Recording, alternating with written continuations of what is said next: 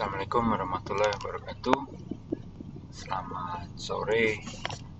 Uh, kembali di podcast Akademia Terbalik setelah sekian bulan vakum. Uh, sebenarnya tidak vakum, jelas tidak vakum karena ya kegiatan banyak dan saya selalu ingin mendokumentasikan kegiatan-kegiatan itu Hmm. dan menyebarkannya seluas mungkin. Hanya saja yang yang masuk ke dalam format podcast ini memang uh, belum ada belum ada tambahan sampai hari ini. Ya, hari ini kebetulan sedang macet sekali di Bandung. Saya bareng anak saya Sophia, Sophia, Sophia, bubbles, bubbles. Jadi kalau ada suara itu suara dia. Ya, jadi saya ingin membahas satu hal sebenarnya. Ini masih masih berhubungan dengan eh, proses kenaikan jabatan, khususnya kenaikan jabatan saya. Eh, walaupun ini membahas kenaikan jabatan saya seperti beberapa podcast dan video yang sebelumnya, tapi yang saya sampaikan ini sebenarnya adalah hal-hal yang generik. Jadi hal-hal yang eh, sangat mungkin terjadi juga di perguruan tinggi yang lain, juga terjadi di eh, individu-individu dosen yang lain. Nah, yang saya akan sampaikan di sini adalah sumbatan sebenarnya, sumbatan atau bottleneck ya, air botol. Jadi yang pertama dalam proses kenaikan jabatan ini, sumbatan pertama itu sudah pasti dari diri kita sendiri. Sumbatan pertama adalah dari kita, dari diri kita sendiri. Ketika kita uh, tidak berkreasi, tidak melaksanakan sesuatu, tidak berkegiatan, maka ya proses kenaikan jabatan akan terhambat dengan sendirinya. Ya, wong tidak ada kegiatan. gitu ya. Walaupun sebenarnya agak aneh juga seorang dosen tidak ada kegiatan. Gitu ya. Setidaknya kegiatan akademik itu pasti ada kegiatan Four. membimbing mahasiswa juga uh, pasti ada. Nah, yang sudah saya sampaikan di beberapa podcast sebelumnya adalah ya sumbatan itu biasanya di penulisan karya ilmiah. Biasanya itu biasanya. Nah, jadi itu adalah menurut saya adalah sumbatan yang yang berasal dari diri kita sendiri ya. Yang bolanya ada di kita. gitu. Jadi sumbatan itu bisa ada dan bisa tidak ada itu tergantung kita pengusul.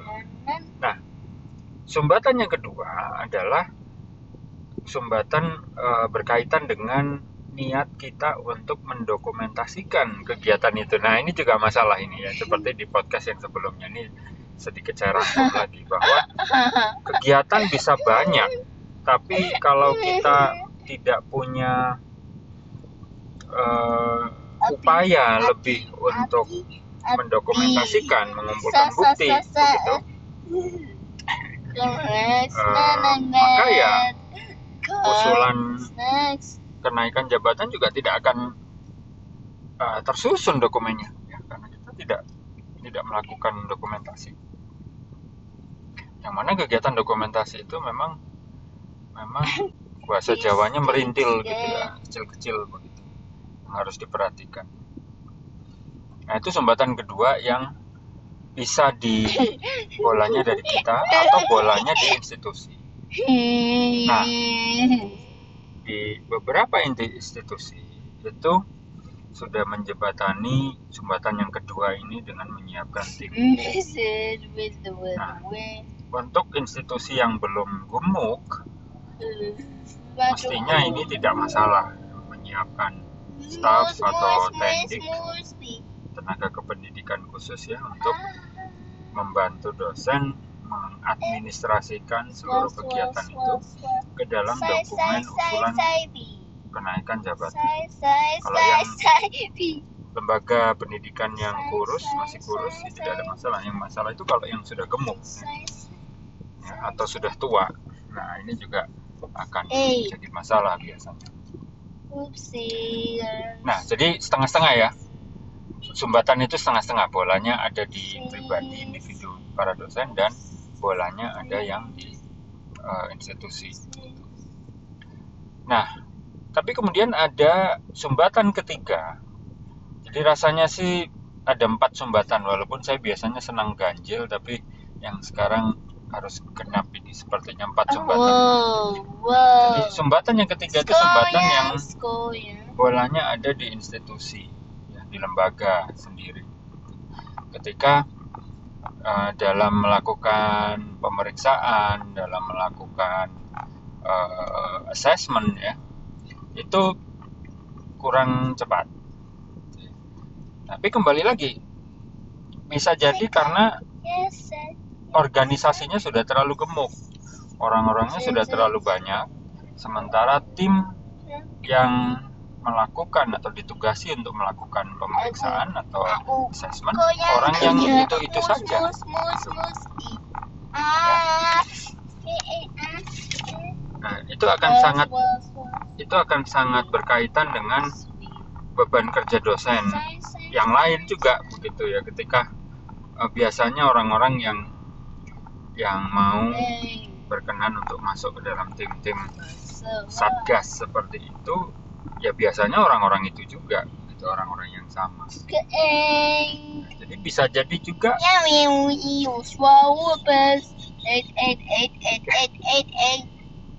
Nyanyi. Jadi bisa jadi lembaga itu saking gemuknya ya kekurangan orang juga masih masih kekurangan orang untuk melakukan pemeriksaan dan assessment terhadap usulan-usulan eh, kenaikan jabatan yang masuk. Itu sangat mungkin terjadi. Jadi itu sumbatan yang ketiga itu ada di institusi. Nah, di sumbatan yang ketiga ini bisa juga ditambah dengan situasi Yes. pemeriksaan yang terlalu bertingkat, terlalu bertingkat. Bertingkat itu bagus karena ya pemeriksaan itu akan akan hasilnya akan lebih bagus karena yang meriksa Hmm. pemeriksaan dilakukan lebih dari sekali. Gitu ya. Tapi ketika Hmm. seluruh regulasi sudah diketahui, tidak ada yang berubah, kemudian eh, kesepakatan juga sudah di, dipegang begitu ya. Bagaimana cara menilai, bagaimana cara memutuskan terhadap item-item eh, usulan dosen begitu ya. Kalau itu sudah jelas semua maka sepertinya akan terjadi eh, pemborosan proses gitu ya. Jadi ada proses yang tidak dibutuhkan sebenarnya kalau sampai pemeriksaan dan asesmen itu dilakukan lebih dari sekali. gitu. Nah, barangkali di perguruan tinggi ibu dan bapak ada yang begitu. Jadi misalnya di level fakultas dilakukan pemeriksaan, kemudian dari situ kemudian dilanjutkan ke eh, pemeriksaan di tingkat pusat, ya, yang kemudian berakhir dengan persetujuan dari senat. Biasanya begitu. Nah, jadi bisa saja ada tingkatan tuh sampai tiga begitu ya, dengan dua tingkatan untuk pemeriksaan atau asesmen. Nah, di beberapa pertung- perguruan tinggi yang lain mungkin hanya satu pemeriksaannya, ya mungkin karena masih kurus profilnya maka ya cukup sekali. Jadi yang namanya tim pemeriksa angka kredit gitu ya. Itu hanya di satu level apakah itu di level fakultas atau di level eh, institusi perguruan tinggi ya di level pusatnya itu tidak menjadi masalah di mana pun. Tapi yang jelas satu gitu ya sekali sebelum akhirnya eh, mungkin disahkan di senat eh, perguruan tingginya. Jadi itu sumbatan yang ketiga itu. Jadi eh, ketika profil perguruan tinggi itu memang sudah gemuk begitu memang mau tidak mau tim untuk memeriksa ini harus banyak. Terutama bila minat untuk eh, mengusulkan kenaikan jabatan itu memang tinggi gitu ya. Kalau memang minatnya tinggi ya tim pemeriksa itu harus ditambah. Ketika tim pemeriksa itu ditambah maka mungkin tidak akan jadi masalah kalaupun pemeriksaannya dilakukan dalam dua tahap. Mungkin tidak akan jadi masalah begitu ya. Tapi Ketika sudah dua tahap, anggota timnya terbatas, maka akan terjadi sumbatan yang sumbatan yang ketiga tadi. Nah, tentunya eh, efisiensi dari tahapan pemeriksaan ini apa? Efisiensi dari tahapan pemeriksaan ini bisa terjadi kalau regulasi tidak berubah sudah jelas dan kesepakatan-kesepakatan sudah dibuat. Ketika itu sudah terjadi, maka sebenarnya tinggal checklist ya. Tinggal checklist. Jadi kalau karya seperti ini apa yang harus dinilai nilainya sesuai pantas atau tidak itu sudah otomatis. Oke. Nah tadi sudah tiga ya? Jadi ada tiga. Uh, sumbatan. Yang pertama sumbatan menulis kedua sumbatan mendokumentasikan ketiga sumbatan pemeriksaan di perguruan tinggi ya, mungkin terjadi inefisiensi uh, waktu dan proses. Yang keempat adalah sumbatan di Jakarta. Nah, di sini sebenarnya Jakarta uh, di tim Jakarta itu sudah sudah melakukan banyak pemotongan proses sebenarnya. Ya, nah ini saya ketahui dari berbagai sosialisasi yang dilakukan di maupun dari rekan saya yang memang kebetulan ada di uh, ring itu begitu ya. Jadi uh, yang pertama menurut saya pemotongan itu adalah ketika usulan kenaikan pangkat sampai lektor itu diserahkan kepada perguruan tinggi masing-masing. Itu sudah satu kemajuan jadi ketika kemarin beberapa tahun yang lalu ya, saya uh, lektor sudah lama sebenarnya. Itu saya SK-nya proses dan SK itu langsung diterbitkan oleh rektor kampus saya. Itu yang pertama. Kemudian pemotongan yang kedua dan ketiga itu dilakukan untuk level LK dan guru besar. Nah, tolong dikoreksi kalau saya salah. yang saya tangkap begini ketika usulan itu dari lektor ke LK ya, intinya untuk naik ke LK maka uh, pemeriksaan itu hanya dilakukan di uh, pemberian sorry bukan pemeriksaan tapi pemberian skor. Itu hanya dilakukan oleh hanya dilakukan di level perguruan tinggi. Itu yang saya tangkap. Jadi pemberian yes, skor yes. itu dilakukan di perguruan tinggi Jakarta. Tim Jakarta itu tidak lagi memberikan nilai. Tidak lagi memeriksa nilai. Mereka hanya memeriksa uh, apakah terjadi pelanggaran atau misconduct. Begitu ya. Misalnya apakah jurnalnya predatory misalnya. Apakah uh, ya bersih apakah track record dari publikasi ini bersih. Jadi pemeriksaan yang seperti itu bukan lagi pembelian nilai itu yang saya tangkap. Untuk kenaikan menuju LK nah untuk kenaikan menuju GB mudah-mudahan saya tidak salah. Proses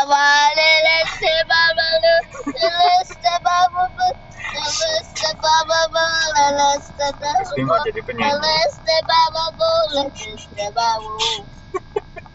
Oke saya lanjut sedikit lagi. Nah jadi kalau untuk kenaikan jabatan menuju GB yang saya tangkap adalah bahwa penilaian itu dilakukan bersama. Dari se jadi sejak penilaian dilakukan uh, oleh penilai dari perguruan tinggi tersebut plus penilai ya. yang ditugaskan oleh dikti. Nah. ya penilaian. Nah, oleh jadi uh, setelah penilaian dilakukan terjadi kesepakatan nilainya sekian misalnya maka kemudian bergeser ke pemeriksaan. Nah jadi sekali lagi proses penilaian itu tetap sekali. Ya tetap sekali. Dengan cara join scoring atau uh, pemberian nilai bersama. antara reviewer yang berasal dari perguruan tinggi. Berkaitan dengan perguruan, perguruan tinggi yang terkait dengan reviewer nasional yang ditunjuk oleh Dikti. Nah, jadi di situ jelas bahwa ya Dikti sudah melakukan banyak pemotongan. Nah, dampaknya yang saya tahu dampaknya SK-SK LK dan guru besar setidaknya yang saya tahu di perguruan tinggi saya sejak dia diupload atau diunggah berkasnya ke Dikti sejak itu semua bersih disetujui di tingkat perguruan tinggi kemudian diupload ke Dikti itu eh, rasanya maksimum tiga bulan antara dua bulan sampai tiga bulan kalau pemeriksaan di Dikti tidak ada masalah maka maksimum tiga bulan kemudian SK-nya keluar. Nah menurut saya itu adalah satu proses yang sangat bisa ditunggu dan sangat bisa di ditoleransi begitu ya. Dua bulan tiga bulan itu dilupakan aja. Eh, Sophia, masih bisa begitu ya. Sophia, Sophia, dengan catatan tentunya tidak ada ya Sophia. eh, masalah di pemeriksaan Sophia, Sophia, Sophia, Nah, Sophia.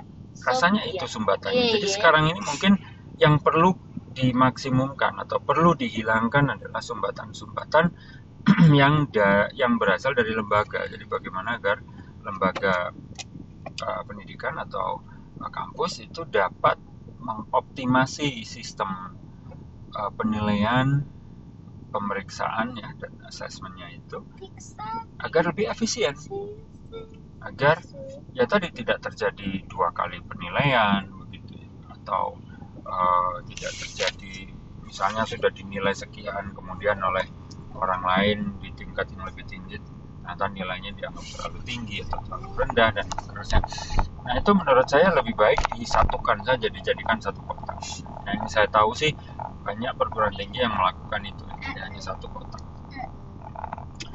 itu. Ya, selain tentunya sumbatan yang pertama itu penting juga ya. Bagaimana kita berkarya bagaimana birthday. harus selalu mendokumentasikan. Saya jadi ketawa. Jadi jembatan pertama dan kedua yang masih ada di sisi kita juga harus itu penting juga untuk Abi, dihilangkan Abi, jadi kurang lebih seperti itu bahwa ada dua sumbatan yang penting untuk dihilangkan ya. dan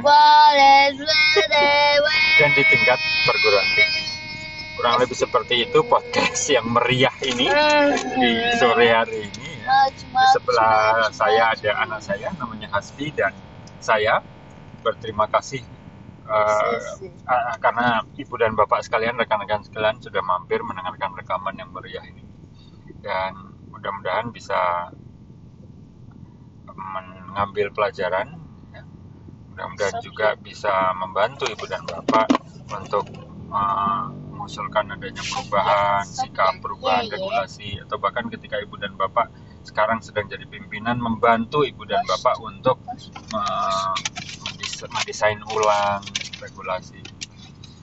Mudah-mudahan seperti itu harapan saya.